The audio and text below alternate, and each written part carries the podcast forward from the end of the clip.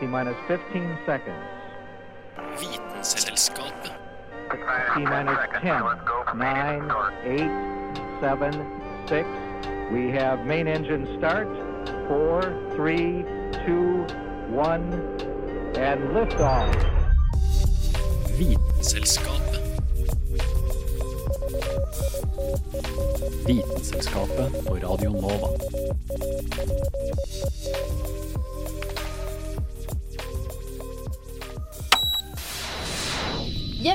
Da er signalet sendt. OK, high fives all around. Anna, Hanne uh, okay. en gang til. En gang til sånn. uh, vi kommer til å bli verdensberømte. Yeah, yeah. Hanne Grydland, Anna Vik Rødseth, meg, Kristin Grydland. Vi blir de første til å ta kontakt med vesener fra en annen planet.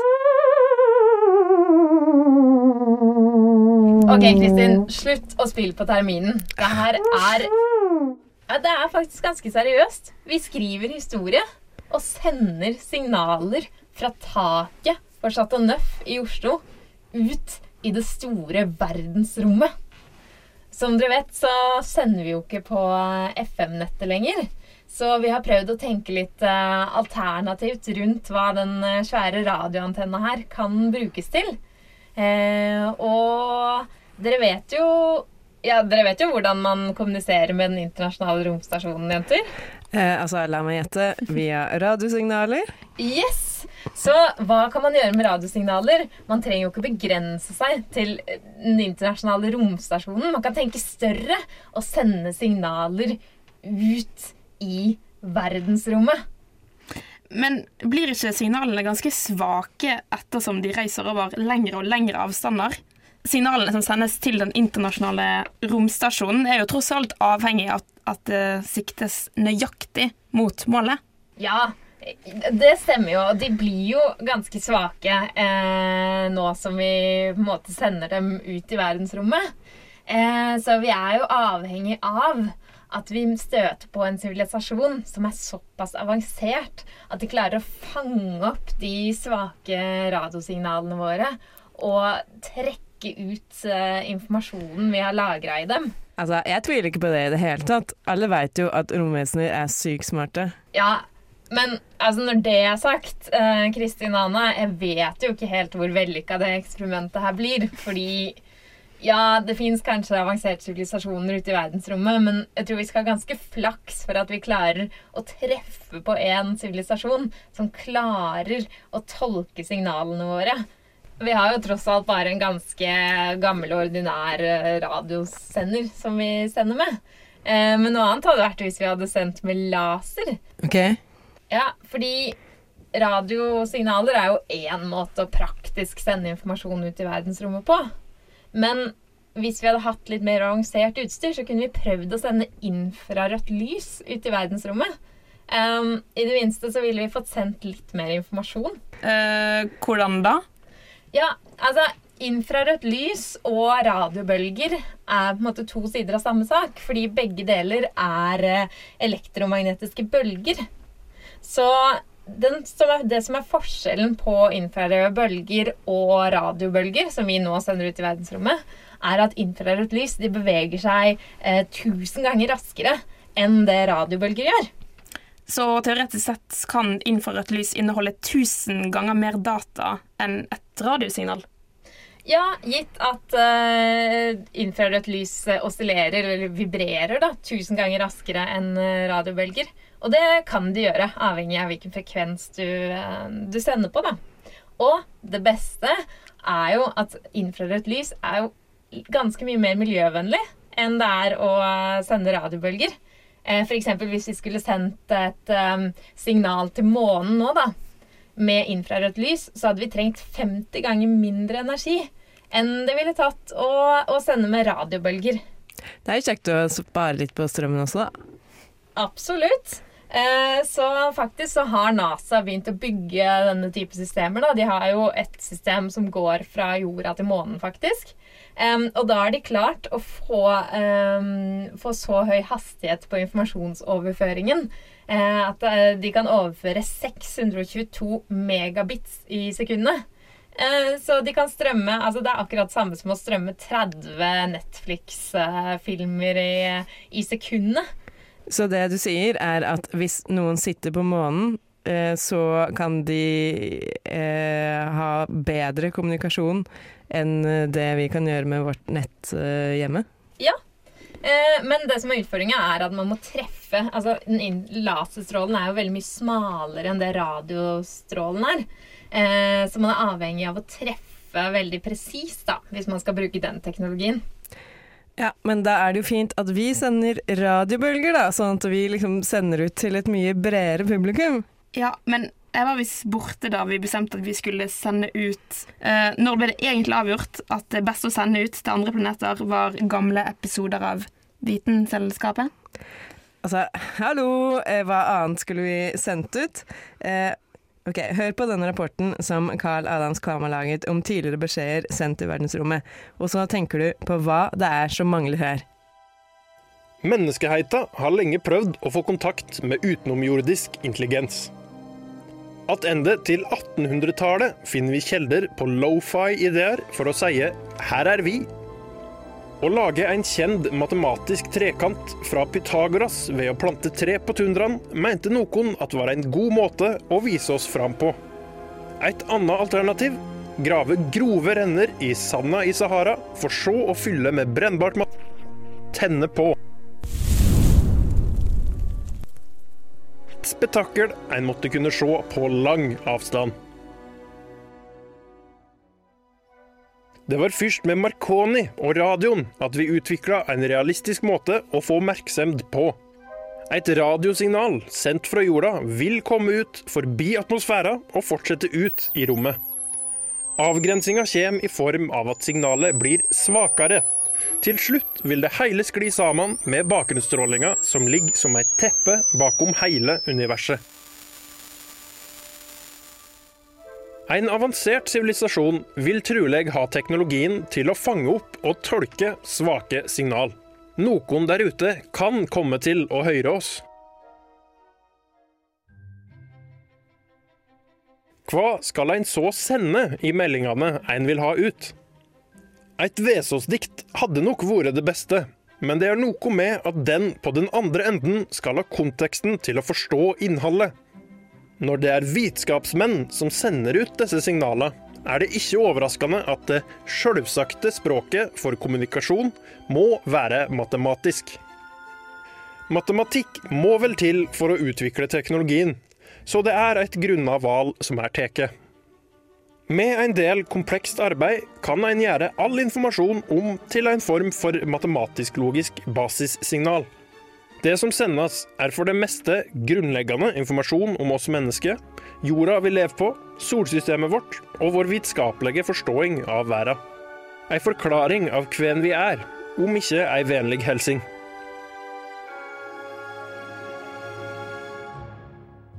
Forsøka på å få kontakt med noe der ute er ikke avgrensa til det usynlige. Fysiske informasjonskapsler har blitt sendt ut i rommet. Mest kjent er nok Voyager. To små roboter på tur mot det ytre solsystem og forbi. Om bord i disse ble det plassert gullplater. To grammofonplater. Tidløshet var tydeligvis ikke det fremste i hovedet til den som valgte format. Uansett, på dekselet til hver plate var det trykt informasjon i billetteform. Her er det ikke plass til det dagligdagse. Plassen er reservert til de universale fysiske lovene i enkel form. For sjå, vi er smarte. Hjelpsomt nok er det òg instruksjoner for hvordan å bygge en platespiller, og hvordan å oversette dataen til riktig form. Innholdet på plata er òg mye det vitenskapelige. Solsystemet, DNA, anatomi og reproduksjon. Men diverre ikke i form av pornografi.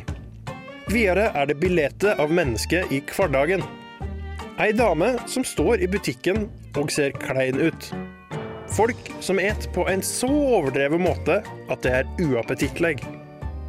Sjølsagt må Newton, en gammel hvit fyr, representeres ved sitt største verk.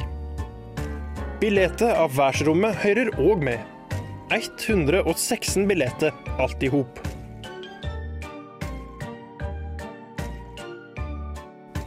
Men å vele å sende ei plate tyder jo at det er lyden som står i fokus. Det heldige romvesenet som Finn Voyager får et dobbeltalbum med ei spilletid på oppimot halv anna time. Det hele begynner med et brak. Ei hilsen fra tidligere FN-generalsekretær Kurt Waldheim. As the Secretary General of the United Nations, an organization of 147 member states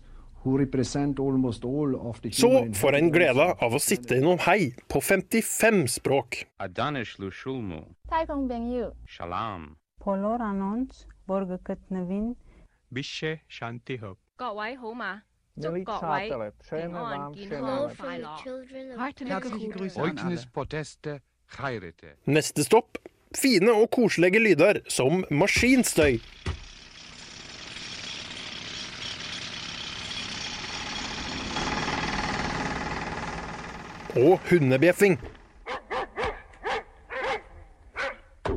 Så kommer en inn i musikken, og her er det mye forskjellig som er representert. Klassikerne Bach og Beethoven. for stor plass. Og folkemusikk fra rundt om i verden er det et godt utvalg av.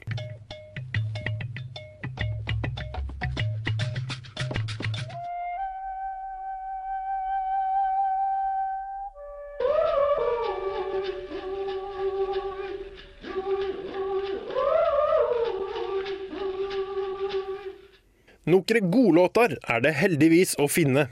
Det da radikale forslaget Johnny B. Good vil teste om et kvart romvesen har dansefot. Metodene som har vært brukt til å nå ut til nye verdensborgere, bør vurderes på nytt, jf. rapporten over. En ny rapport burde òg bli skriven om hvorfor i all verden vi skal invitere alle disse framandfolkene til å begynne med. Jeg har det vanskelig nok med å rekke ølsalet fra før. Ekstra kø er det siste jeg trenger. Og nå, endelig, skal også tidligere episoder av Vitenselskapet, det ypperste av hva menneskeheten har frembrakt, nå verdensrommet. Når jeg hører hva vi har sendt tidligere, så er det ikke noe tvil om at romvesenet trenger noe alternativ informasjon, nei. Ja, jeg skjønner jo at det eneste de mangler å høre på, er jo tidligere sendinger av oss. Men Kristin og Anna, jeg bare tenker Er det egentlig så lurt å sende informasjon om menneskeheten til rommet? Mm, Det er kanskje bedre om vi istedenfor å sende ut signaler i verdensrommet, at vi selv reiser ut og finner intelligent liv. Ja! Besøke planeter, besøke planeter. Så kan vi overta dem før de overtar oss. Ja, jeg jeg er enig i at det er bedre å være gjest enn å være vert. Um, men jeg vet ikke helt om romreiser til andre solsystemer er realistisk for menneskeheten per nå. Um, har dere ikke hørt Sunniva Blix sin reportasje om det emnet her?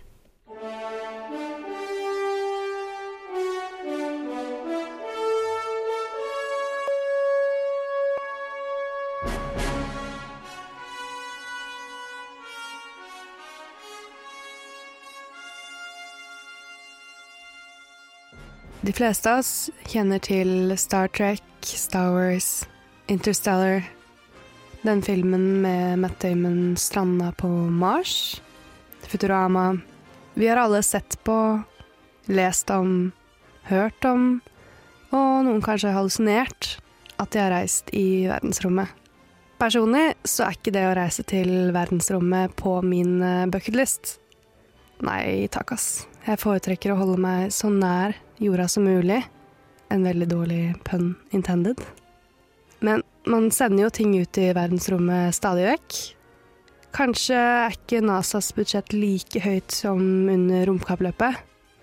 Men det er jo også stadig flere private aktører som kommer på banen. Dette er jo selvfølgelig ikke så veldig billig. Prisen kan variere enormt avhengig av fartøyets bruksområde, størrelse, forventet levetid osv. Fra et par eh, hundre millioner til en god del milliarder per oppskyting. Og nå må jeg presisere at vi snakker dollar og ikke norske kroner.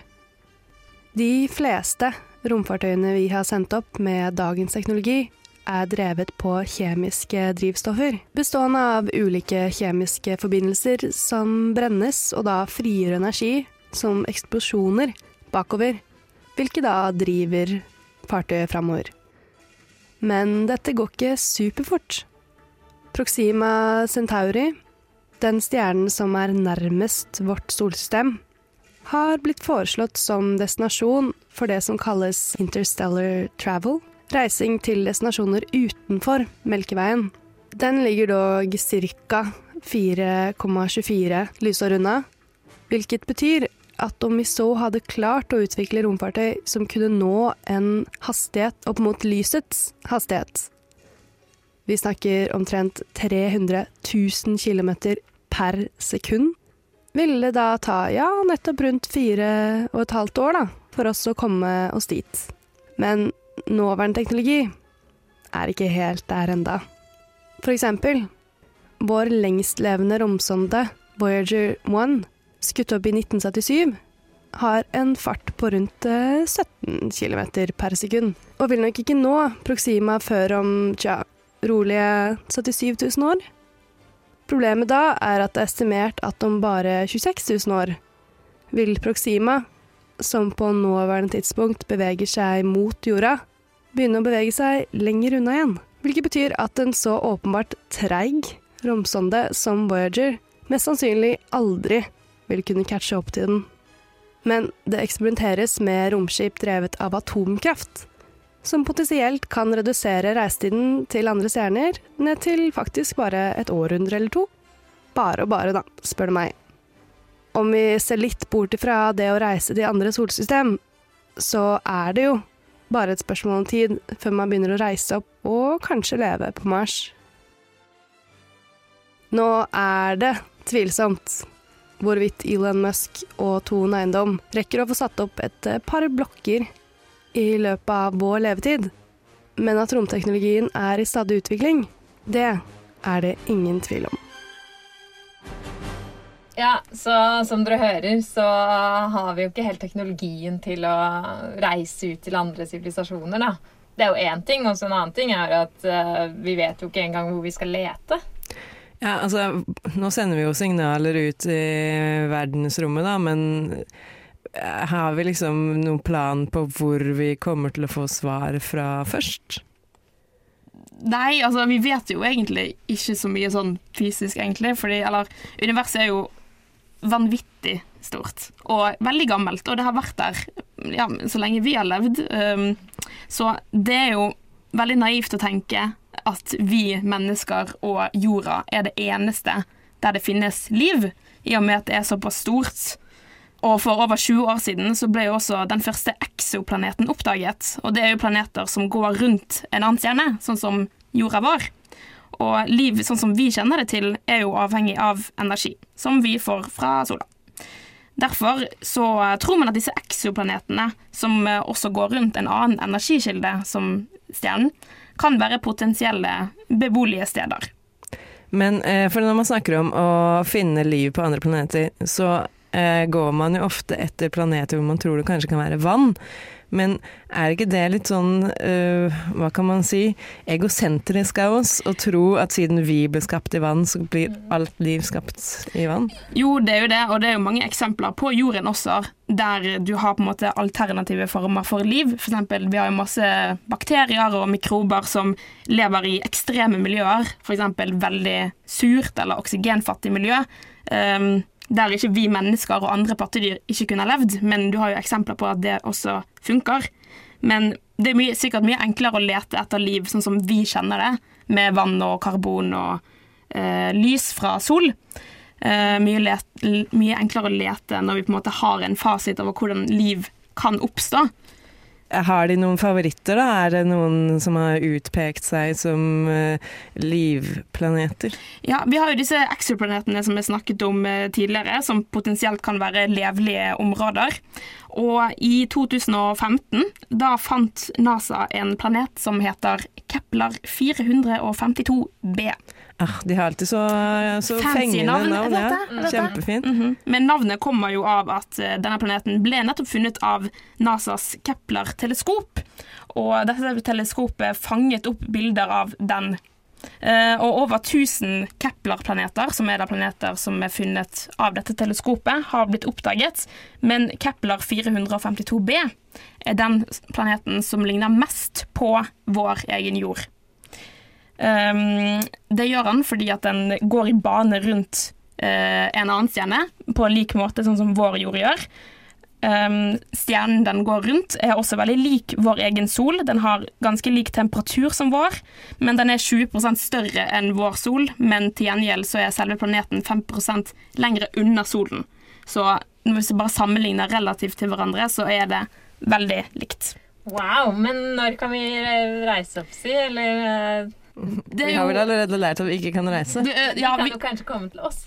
Det kan hende, men problemet er at denne, er sånn som, eh, denne planeten er ganske langt unna oss. Den er hele 1400 lysår unna oss. Så det å sende opp et signal eller fysisk dra dit, eh, det, det kommer ikke til å gå med teknologien sånn som det er i dag. Men vi ser jo ofte etter ting som ligner på oss selv. Vi har jo ingen grunn egentlig til å tro at eh, romvesener kommer til å være like som oss. Altså Jeg har i hvert fall hørt den saken til Dag Dramer, hvor han snakker om eh, romvesener som ikke er lik oss i det hele tatt. Romvesener er iboende skumle fordi de er fundamentalt forskjellige fra oss mennesker, Homo sapiens. Det eneste intelligente dyret på jorda. Vel, selvfølgelig er vi ikke det eneste intelligente dyret på jorda, men vi er det eneste dyret med, med en sivilisasjon. Romvesenet kan ha sin egen helt unike sivilisasjon. De kan være nanosivilisasjoner som er så små at de kan endre våre kropper og påvirke oss uten at vi vet det. Eller det kan være enorme, komplekse nettverk, nesten som sopp, som, selv om vi kan se det med det blotte øyet, ikke vil være noe vi kjenner igjen som en form, amorfmasser. Eller det kan være alle steder og ingen steder samtidig, ved å være en slags telekinetisk røyk. Eller de kan se ut mer eller mindre som oss. Faktisk så har det vært overraskende vanskelig for sci-fi-forfattere og filmskapere å forestille seg romvesener som noe annet enn menneskelignende.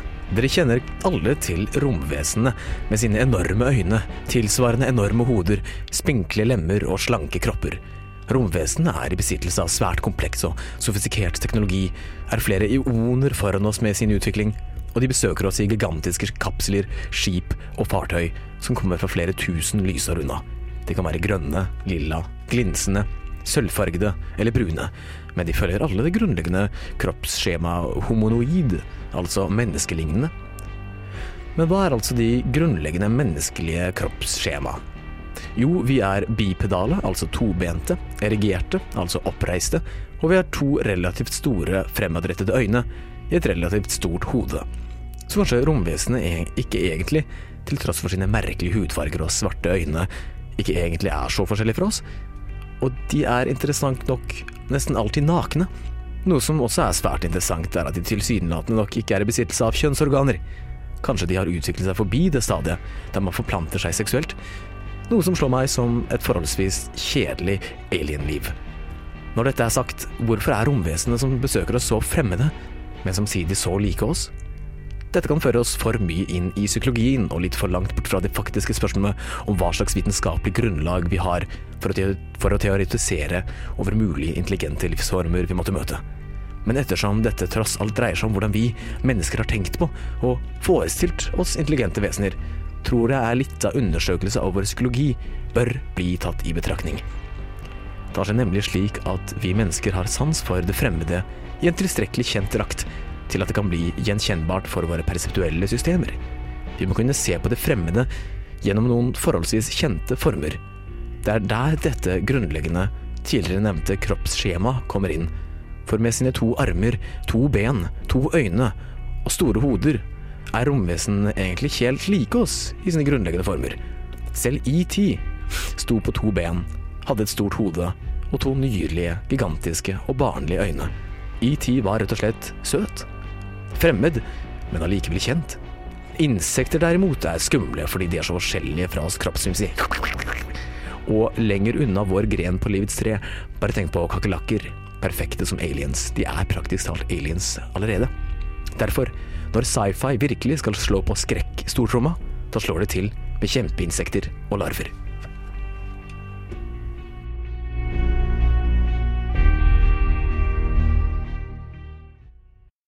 Så min teori da er jo at siden det er så mange romvesener som kanskje ikke ligner på oss i det hele tatt, så kanskje vi ikke kjenner dem igjen.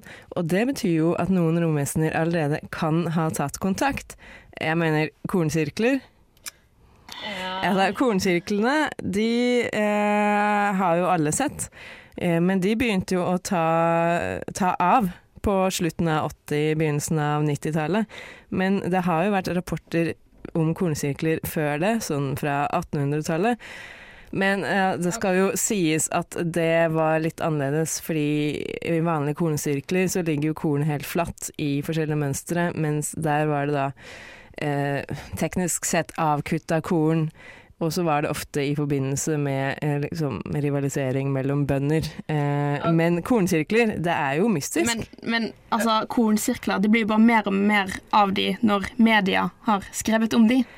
Tilfeldigheter. Eh. Og at det kun har oppstått kornsirkler i vestlige land og Japan. Jeg vet ikke jeg, Kristin, men uh, jeg tror kanskje ikke at kornsykler er bevis på at det har vært aliens her fra sånn 80-90-tallet. Ok, kornsykler kanskje ikke de mest sannsynlige, det kan jeg innrømme. Men eh, det er jo faktisk sånn at vi har fått signaler fra rommet. Det finnes jo folk og institusjoner som jobber hele tiden med å finne signaler fra andre planeter og fra utenomjordisk liv. For eksempel så har man The Breakthrough Listen Initiative, som er et sånt program da, som leter etter signaler fra utenomjordisk liv. Og de overvåker signaler fra sånn ca. en million stjerner og eh, 100 galakser. Så det er jo ganske mye råstoff da, å gå gjennom, og ganske mye signaler å filtrere ut. Men det de da søker etter, er jo først og fremst radiosignaler og lasersignaler. Ting som virker kunstig, da, som, sånn at man kan være sikker på at det er lagd av intelligens og ikke naturlige ting. Eh, og det som er litt morsomt med den, det programmet, er jo at all data er tilgjengelig for publikum. Så man kan jo egentlig sitte og følge litt med, og kanskje man plukker opp noen signaler fra et annet eh, univers. Men, Eller ikke et annet univers, men Har de plukka opp noe da, Kristin? Eh, altså, det er jo eh, noe som de kaller FRB, Fast Radio Bursts, som eh, er regelmessige radiosignaler. Sånn altså, da virker det litt mer kunstig, da. Eh, og de har jo oppdaga flere av disse, men eh, nå relativt nylig, i 2017 tror jeg det var, så oppdaga de faktisk 15 stykker liksom etter hverandre, og det kom fra ett sted som jo er litt uh, mistenkelig, i det minste. Uh, så det kalte de da FRB uh, 121102. Veldig catchy. Ja, det er ja. veldig catchy ting i verdensrommet. De, de, burde jobbe litt mer med navnene sine, det syns jeg. Uh, men dette kommer da fra en dverggalakse ca. tre milliarder lysår unna. Så ja, det er ikke akkurat dit vi tar en liten svipptur med det første. Det som er litt interessant, er at det er jo blitt eh, lansert flere forklaringer på disse radioglimtene. Eh, men det er egentlig ingen gode. Det er jo noen som tenker at det kanskje er en nøytronstjerne som har kollapsa til et sort hull. Men da ville det jo bare vært én gang. Og en annen kilde til radioglimt kan jo være at de stammer fra en ung nøytronstjerne. Men eh, så vidt vi vet, så er det jo ingen sånne i det området der de 15 radioglimtene kommer fra, da. Så konklusjonen er vel egentlig det er ingen som vet, men det er mange som leter. Nei, det er kanskje ikke så realistisk at uh, signalene vi sender ut nå Men det er jo også litt sånn eh, Hvis de faktisk har kontakt, da kommer vi til å merke det.